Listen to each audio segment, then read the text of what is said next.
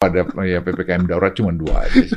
Oke, oke, oke, oke. Saya saya paham di sana, Pak. Oke, saya paham. Tapi bisnis nih, Pak. Saya mau protes lagi. Pokoknya saya di sini protes, ya Protes Pak aja, Luhut. masalah. Ya kan ke mana lagi kalau bukan protes ke Pak Luhut? Oke. Eh, banyak orang Indonesia yang pengen Indonesia seperti Singapura.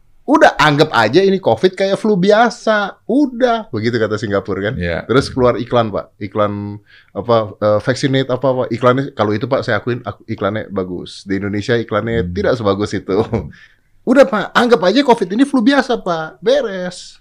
Gini, Gua jadi ngurus ngurus 5 juta, 6 juta orang dengan ngurus 270 juta orang, ngurus satu pulau, ngurus du- 17 ribu pulau, ngurus banyak yang kungfunya aneh-aneh lagi. Ya nggak sama lah, beda lah. Saya Jadi saya saya nggak adil juga. Sekarang aku komplain sama kamu, nggak adil dong lu.